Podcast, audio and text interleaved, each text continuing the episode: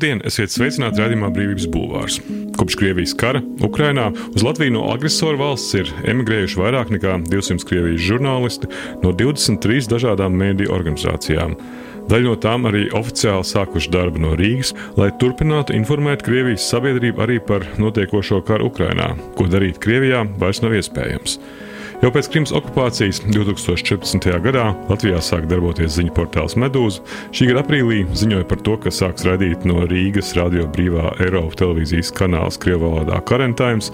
Šī gada maijā Latvijā atsāk iznākt piesmiedu emigrācijā esošā Krievijas brīvā žurnālistu izdevums Novaya Gazeta Eiropa, kas piedāvā žurnālistu neatkarīgu skatījumu uz notikumiem Ukraiņas karā un procesiem Krievijā bet 18. jūlijā ēterā atgriezās Krievijas neatkarīgās televīzijas kanāls Dožs, kuras redakcija tagad atrodas Rīgā.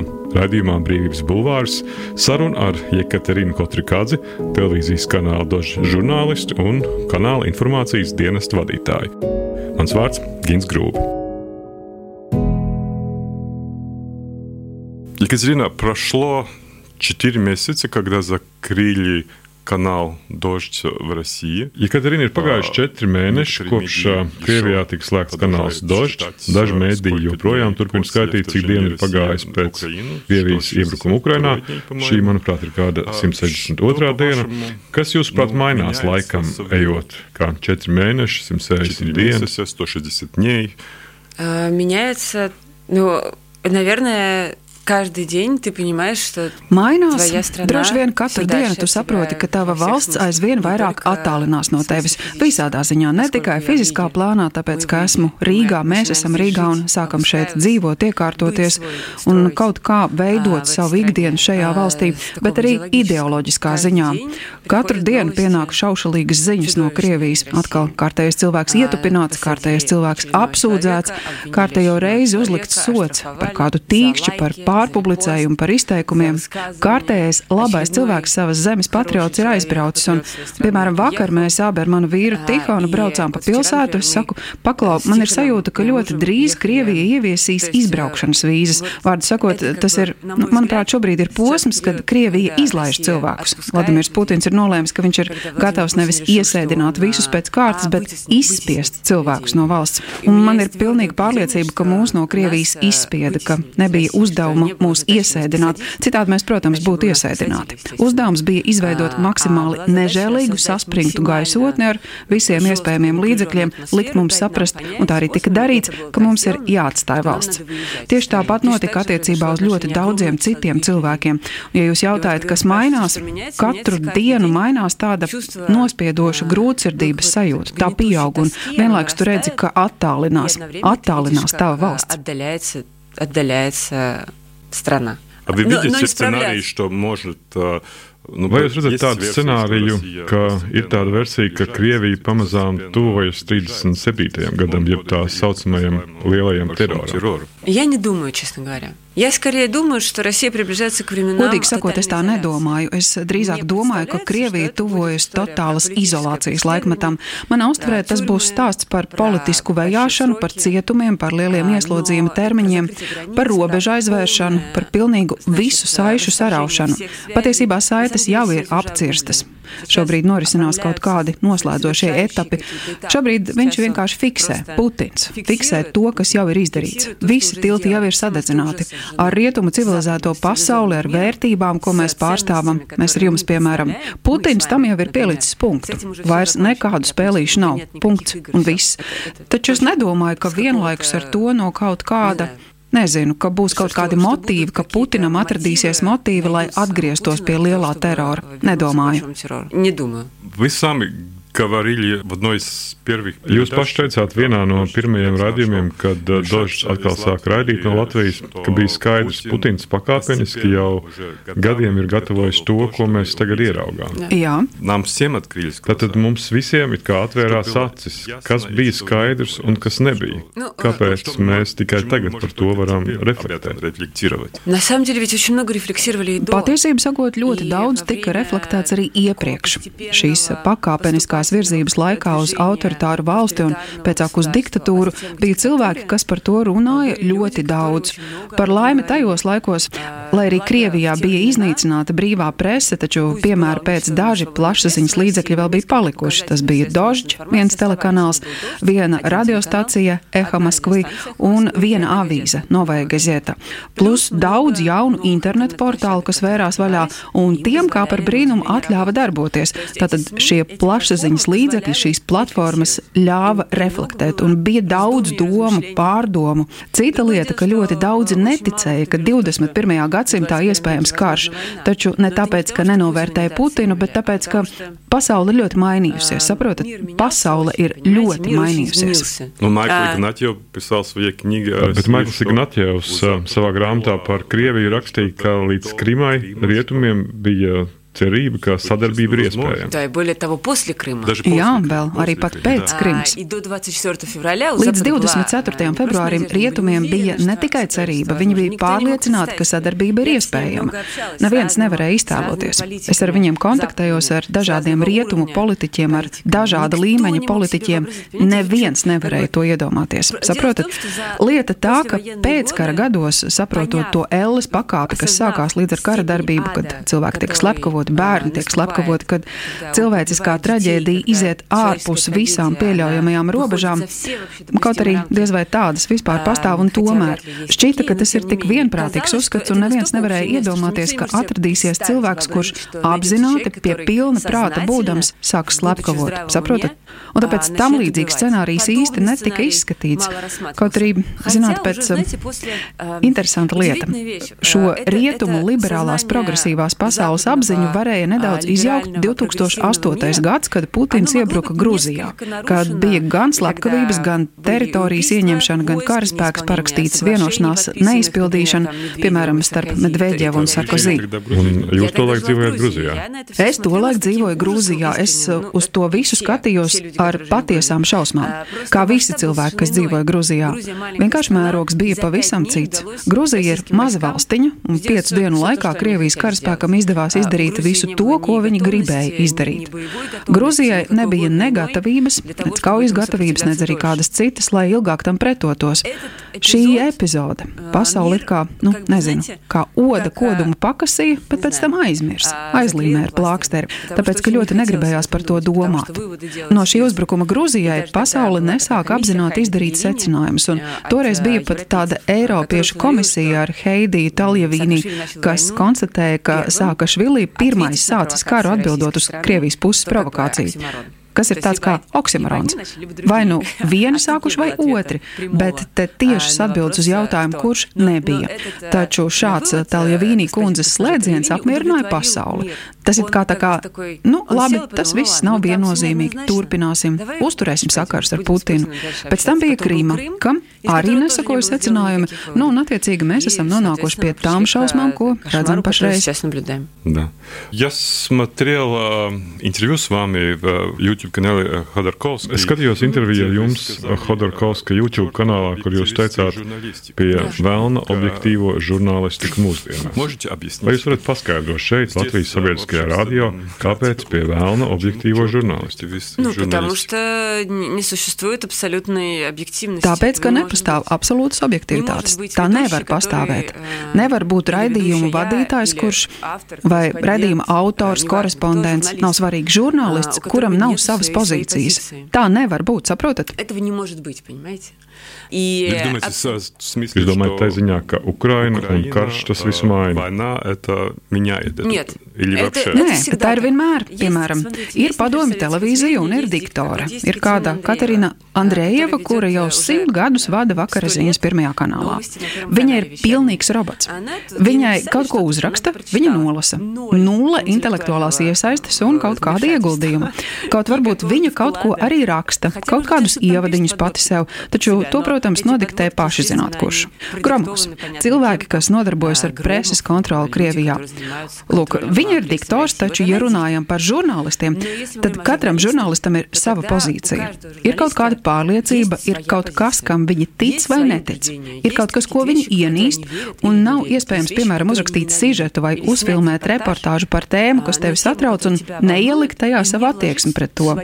Protams, es nerunāju par to, ka mēs visi propagandējam tos vai citus savus principus un pārliecības. Es runāju par to, ka mēs nedrīkstam slēpt, un mums nav jāslēpj, ka esam cilvēki ar savu viedokli un pozīciju. Vienlaikus ar to, protams, jāpārstāv arī visas citas pozīcijas. Mūsu atbildība un žurnālistikas standarti ir tajā, ka mēs nevaram slēpt, nevaram aizbāzt mutes tiem, kas domā citādāk. Kā Krievijā bija. Ziniet, ne tik ilgi pirms kara izveidojās tāda realitāte, pie kuras, piemēram, mītiņu Navaļņī atbalstam vienkārši nebija. Tos neviens nefilmēja, valsts telekanāli nefilmēja, un Navaļņiju kā politiķi vispār nepieminēja. Blogeris. Bet, piemēram, ja es vadu ziņas, es to visu stāstu. Pēc tam man ir viesis, piemēram, Fjodors Lukjānaus, kurš ir prokremliskais žurnālists, starptautisko ziņu žurnālists. Man kā žurnālistē ir viņš jāuzklausa, tāpēc, ka viņa viedoklis atšķiras no mana, tomēr, kā jebkuram viedoklim, arī tam ir tiesības pastāvēt, vai ne? Turklāt ir interesanti, ko domā cilvēki no tās puses. Lūdzu. Taču tev ir tiesības viņam iebilst. Nelamāties, nekliegt, bet tu arī žurnālista ādā paliec ar savu pārliecību. Raugi, to es biju domājusi. Objektivitāte, proaktīvā žurnālista pieeja. Mana vienkāršā doma ir tāda, ka žurnālistika nav faktu pārstāsts. Žurnālistika ir milzīgs autora darbs, milzīgi autora pūliņi.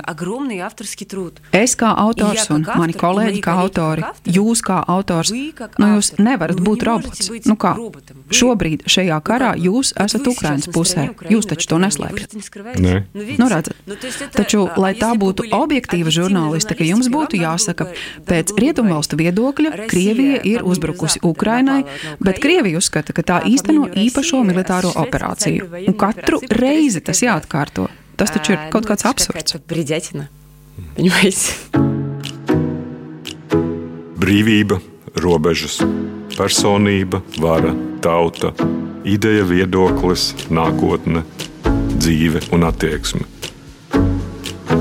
Raidījums Brīvības Bulvārs.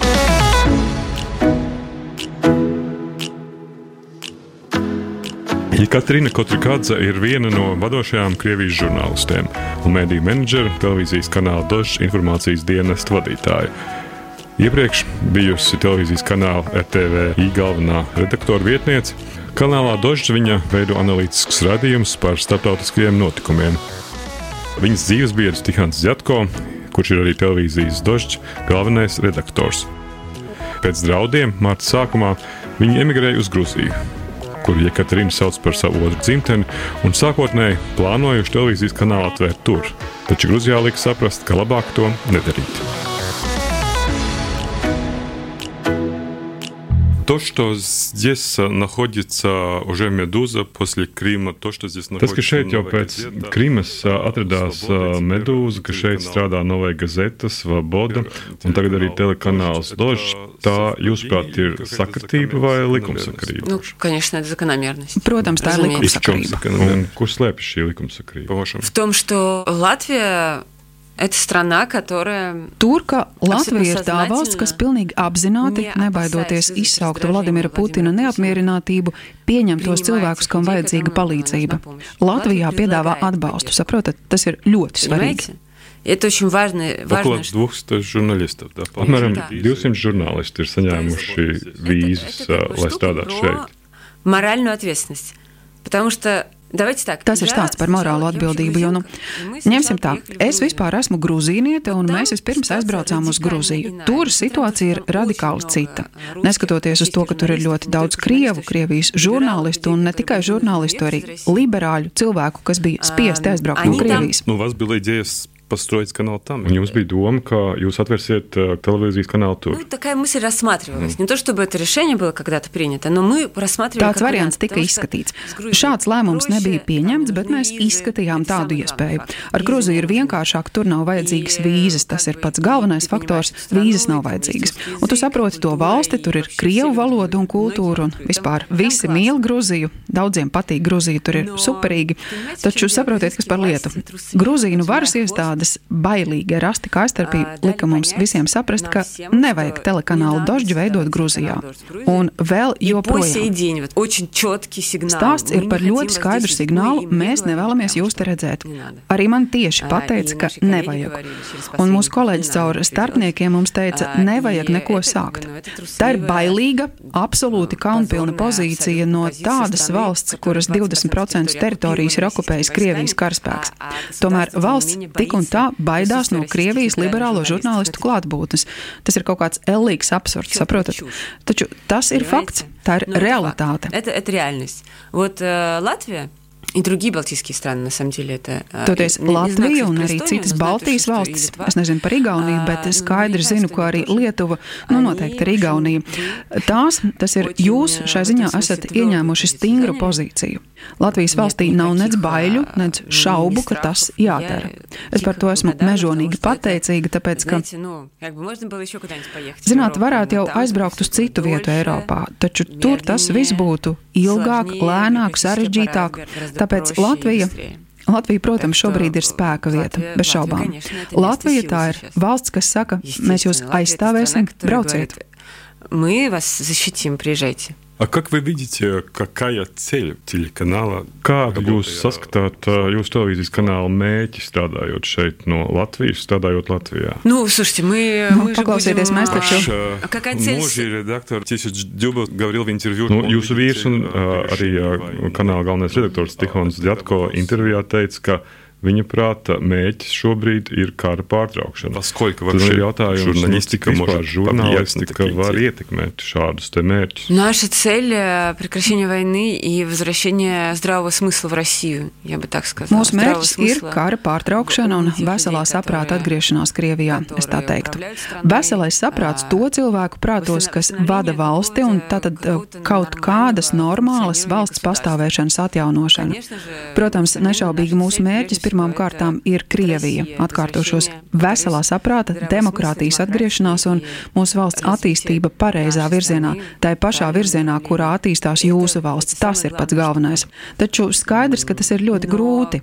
Žurnālistika var nevis vienkārši var, bet labāk par visiem ietekmēt tādus procesus, ja tā ir efektīva žurnālistika un pietiekami profesionāla. Es vēl neesmu pārliecināta, ka mums tas pilnā mērā izdosies.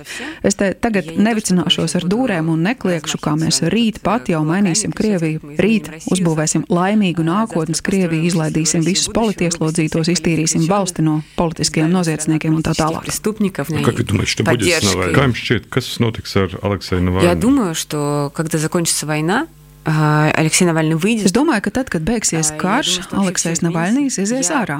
Es domāju, ka viss mainīsies. Es varbūt tagad runāju dažu skatījumā nereālas lietas, taču es esmu pilnīgi pārliecināta, ka nevar. Россия классная страна, понимаете? Я как грузинка вам говорю. Krievija ir superīga valsts, saprotat? Es jums to saku kā grūzīniete, kā cilvēks, kurš pirmkārt sevi saist ar Grūziju. Es atbraucu uz Krieviju. Otro reizi atgriezos Krievijā 19. gadā. Divu ar pus gadu laikā es redzēju tik daudz jaunu, talantīgu, izglītotu, augsti attīstītu, lielisku cilvēku. Šie cilvēki nespēja dzīvot un visi nav izbraukuši. Turklāt tie, kuri izbraukuši, atgriezīsies. Mēs atgriezīsimies. Tas notiks pēc tam, kad Putins zaudēs karu Ukrainā. Zaudēs karu, viņam viss izjūgs. Es tam vienkārši ticu, jo nevar taču. Kad sākās karš, es visu laiku teicu, tas ir tāds neiedomājams ļaunums, tāda ļaunuma koncentrācija. Tā kā atvainojiet seriālā Stranger Things, kurš to ir redzējis, tur ir tāda koncentrācija, melna ļaunuma sabiezējums. Lūk, tas, tas ir jāuzvar, citādi mums visiem ir vāks. Noteikti. Tāpēc gan Aleksējs iznāks brīvībā, gan Ilja Jašins iznāks, gan Valoģa Kara Mūrza iznāks un citi politiskie. Gorinovs iznāks un tāpat citi. Un viņu vārdi būs vēlēšana balsošanu sarakstos, biļetenos, un mēs lemsim, vai gribam par viņiem balsot vai ne. Lūk, to es gribu par visu vairāk. Вот чего я хочу больше всего. Nu, to, мы видим в России, bet tam, uh, tas, ko mēs šobrīd redzam Krievijā, tur vairāk ir tāda kā gatavošanās ilgam termiņam, tā teikt. Tur tiek izdot jauni likumi, izdotas mācību programmas skolotājiem par to, kā jāstrādā ar skolēniem šajā situācijā. Mainās arī status žurnālistiem, tos, kurus agrāk sauc par ārzemju aģentiem, par to vien, ka viņi saņēma naudu no ārvalstīm. Tagad uh, vairs pat nauda nav vajadzīga, lai kādu saukt par ārzemju aģentu. Nekas nav vajadzīgs. Jā, nav vajadzīgs. Un, arī agrāk nebija vajadzīgs. Bet šajā ziņā viss mainās uz tādu kā totalitāru valsti, kas var pastāvēt tāpat kā pastāvēja Padomju Savienība 70 gadus. Советский Союз 70 лет. Смотрите, это тоже может быть. Я же не могу вам сказать, что это точно не будет. Может быть. Redziet, tā jau arī var būt. Es taču nevaru jums pateikt, ka tā noteikti nebūs. Varbūt Krievija nogrims šajā atvarā un pēc 70 gadiem atkal varbūt kāds to no turienes izvilks uz kādu laiku, kas arī nav zināms. Savukārt es ļoti iracionāli lieku cerības uz šiem cilvēkiem, ko esmu sastapusi Krievijā. Lielu skaitu jaunu, augsti intelektuāli domājošu Krievijas federācijas pilsoņu. Saprotiet, kas par lietu. Kopš Padomju Savienības sabrukšanas līdz Putina iebrukumam Ukrainā ir pagājis daudz gadu, ir izaugusi vesela paudze. Kaut arī šie cilvēki ir dzīvojuši autoritārijā Putina valstī, tomēr viņiem ir bijis pieejams internets, viņiem ir bijis YouTube, Facebook, Twitter un Instagram, viņiem ir bijusi komunikācija ar globālo pasauli, viņi piederējuši pie globālās pasaules, saprotat, un šie cilvēki ir bijuši brīvi.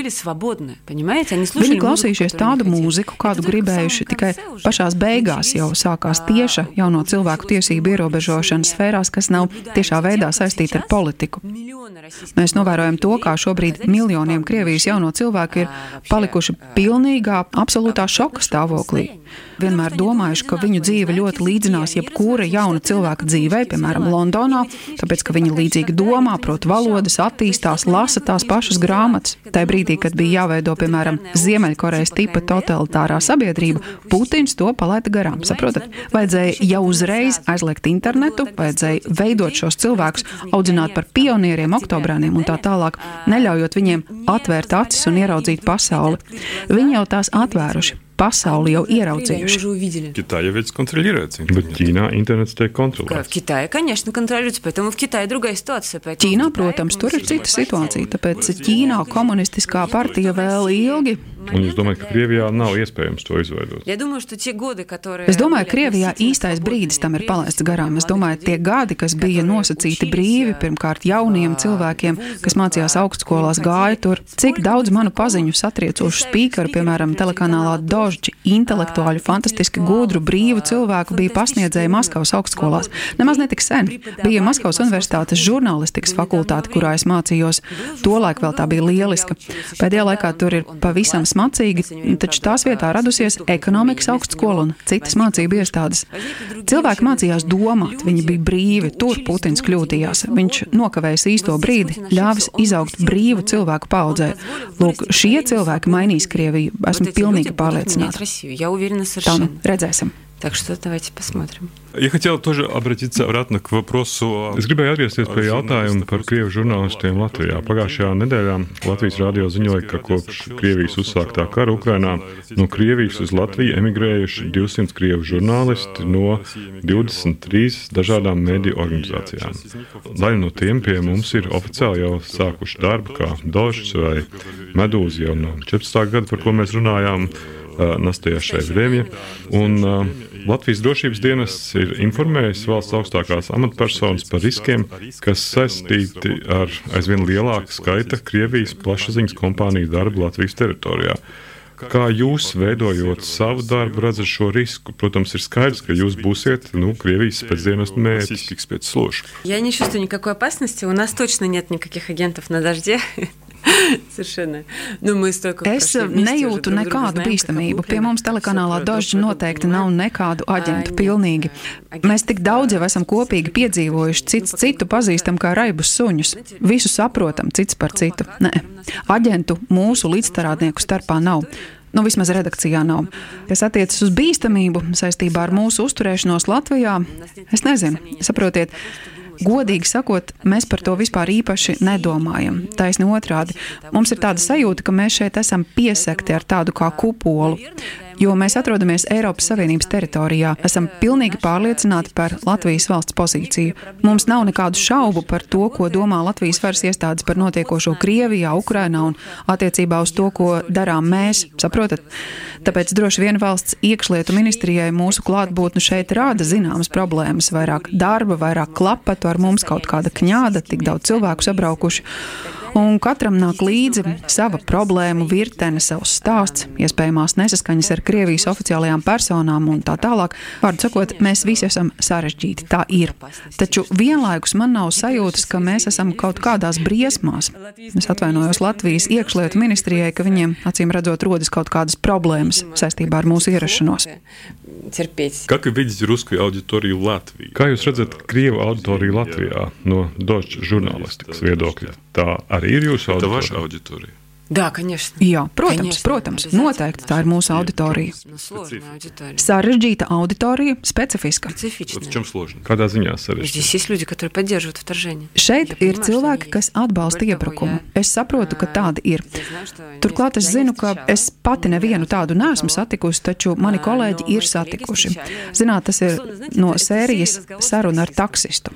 Visnepateicīgākais paņēmiens, kas ir vislielākajā pretrunā ar žurnālistikas standārtu, ir runāt ar taksistu un no tā kaut ko secināt. Taču daži mani kolēģi saskārās ar taksistiem Rīgā, un viņi. Nu, jā, tas ir kā socioloģiskā aptauja. Jā, viņi atbalstīja, viņi atbalstīja Putina agresiju. Lūk, protams, tas neko neizsaka. Tas pasaka vienīgi to, ka vismaz daži cilvēki Latvijā uzskata, ka Vladimirs Putins rīkojas pareizi. Un, protams, tas ir, nu, paklausieties, tas ir izaicinājums. Šeit ir dažādi uzskati, šeit ir dažādi. Iespējams, problēma tajā, ka neviens nopietni nav nodarbojies ar šo cilvēku informēšanu. Ja хотел вам спросить тоже, es vēl gribēju jautāt, pagājušajā nedēļā sociālo mediju tīklā kontakts bija publicēts Dmitrija Medveģeva izteikums par to, Nu, kā Kazahstāna un Grūzija vispār nav nekādas neatkarīgas valsts. Tas ieraksts pēc tam pazuda vai tik ātri aizvākts. Vai jūs domājat, kas tas bija, kāpēc tas vispār parādījās, vai tur ir kaut kāds zemteksts? Я думаю, что Дмитрий Анатольевич так думает. Я думаю, что это он написал. Конечно. Es domāju, ka Dmitrijs Anatolievičs tā domā. Es domāju, ka to, protams, uzrakstīja viņš. Turklāt ir bijis daudz joku par to, ka viņš piedzēries un. Drunk tweet. Tā kā drunk tweet, tā kā tvīts dzēruma stāvoklī. Tieši tā, drunk tweet. Taču es nevaru paklausieties skaidrot tam līdzīgas lietas ar alkoholismu. Piemēram, Marijas Zahārovas ierakstus un izteikumus arī pa laikam skaidro ar to, ka viņa dzer. Man tas šķiet pārāk vienkāršs ceļš. Es nedomāju, ka problēma problēma ir tā, ka cilvēki dzer. Visi cilvēki dzer tā vai citādi, nu, gandrīz. Es domāju, ka Dmitrijs Anatolievičs to dara tādēļ, lai būtu pirmais starp visiem tiem plēsējiem. Lec vai no biksēm laukā cenšoties pierādīt Vladimiram Putinam, ka viņš ir putiniskāks par pašu Putinu. Saprotat? Ka viņš var, ka viņš. Tātad mēs šobrīd būtībā tieši atzīstam, ka mēs paplašināsim geogrāfiju, kā teica Lavrovs attiecībā uz Ukrainu. Ukrainā viss ir tik saprotami, ka jāpievēl groži kaut kur ārpus Ukrainas. Pievilkšu grožus robežas Grūzijā un Kazahstānā, nodomāja Medveģevs un uzrakstīja to baiso idiotisko ierakstu, lai Putins ieraudzītu, uzslavētu un teiktu, tu manas domas esi sapratis pareizi. Saprotat? Un pēc tam, lai Medveģevu izvilktu no tās naftalīna kastītes un iesēdinātu kādā patiesi ietekmīgā vietā. Šobrīd viņš ieņem amatu, kas nenozīmē itin neko un neietekmē itin neko. Sauc viņu nekā un strādā viņš par neko. Bet cilvēks taču bija prezidents. Fiktīvs, protams, bet tik un tā, pēc dokumentiem bija prezidents. Protams, viņš grib. Nu, iespējams, viņš cer uz to, ka pārņems amatu. Reāli tie vienkārši ir centieni uzminēt priekšnieka noskaņojumu un izspļaut to savu ļaunumu. Tas ir ellīgs bleķis. Taču es domāju, ka kaut kādās slēgtās sarunās šie cilvēki patiešām runā par to, ka bez Krievijas nebūtu arī Grūzijas un Kazahstāna vispār ir fiktīva valsts. Tā tas nekad nav bijis. Cits ar citu viņi to visu pārunā un Medveģos nodomājis ņemšu un uzrakstīšu, ja nu šiem iepatīkas. Izrādījās, ka drusku pārcenties. Вдруг понравится.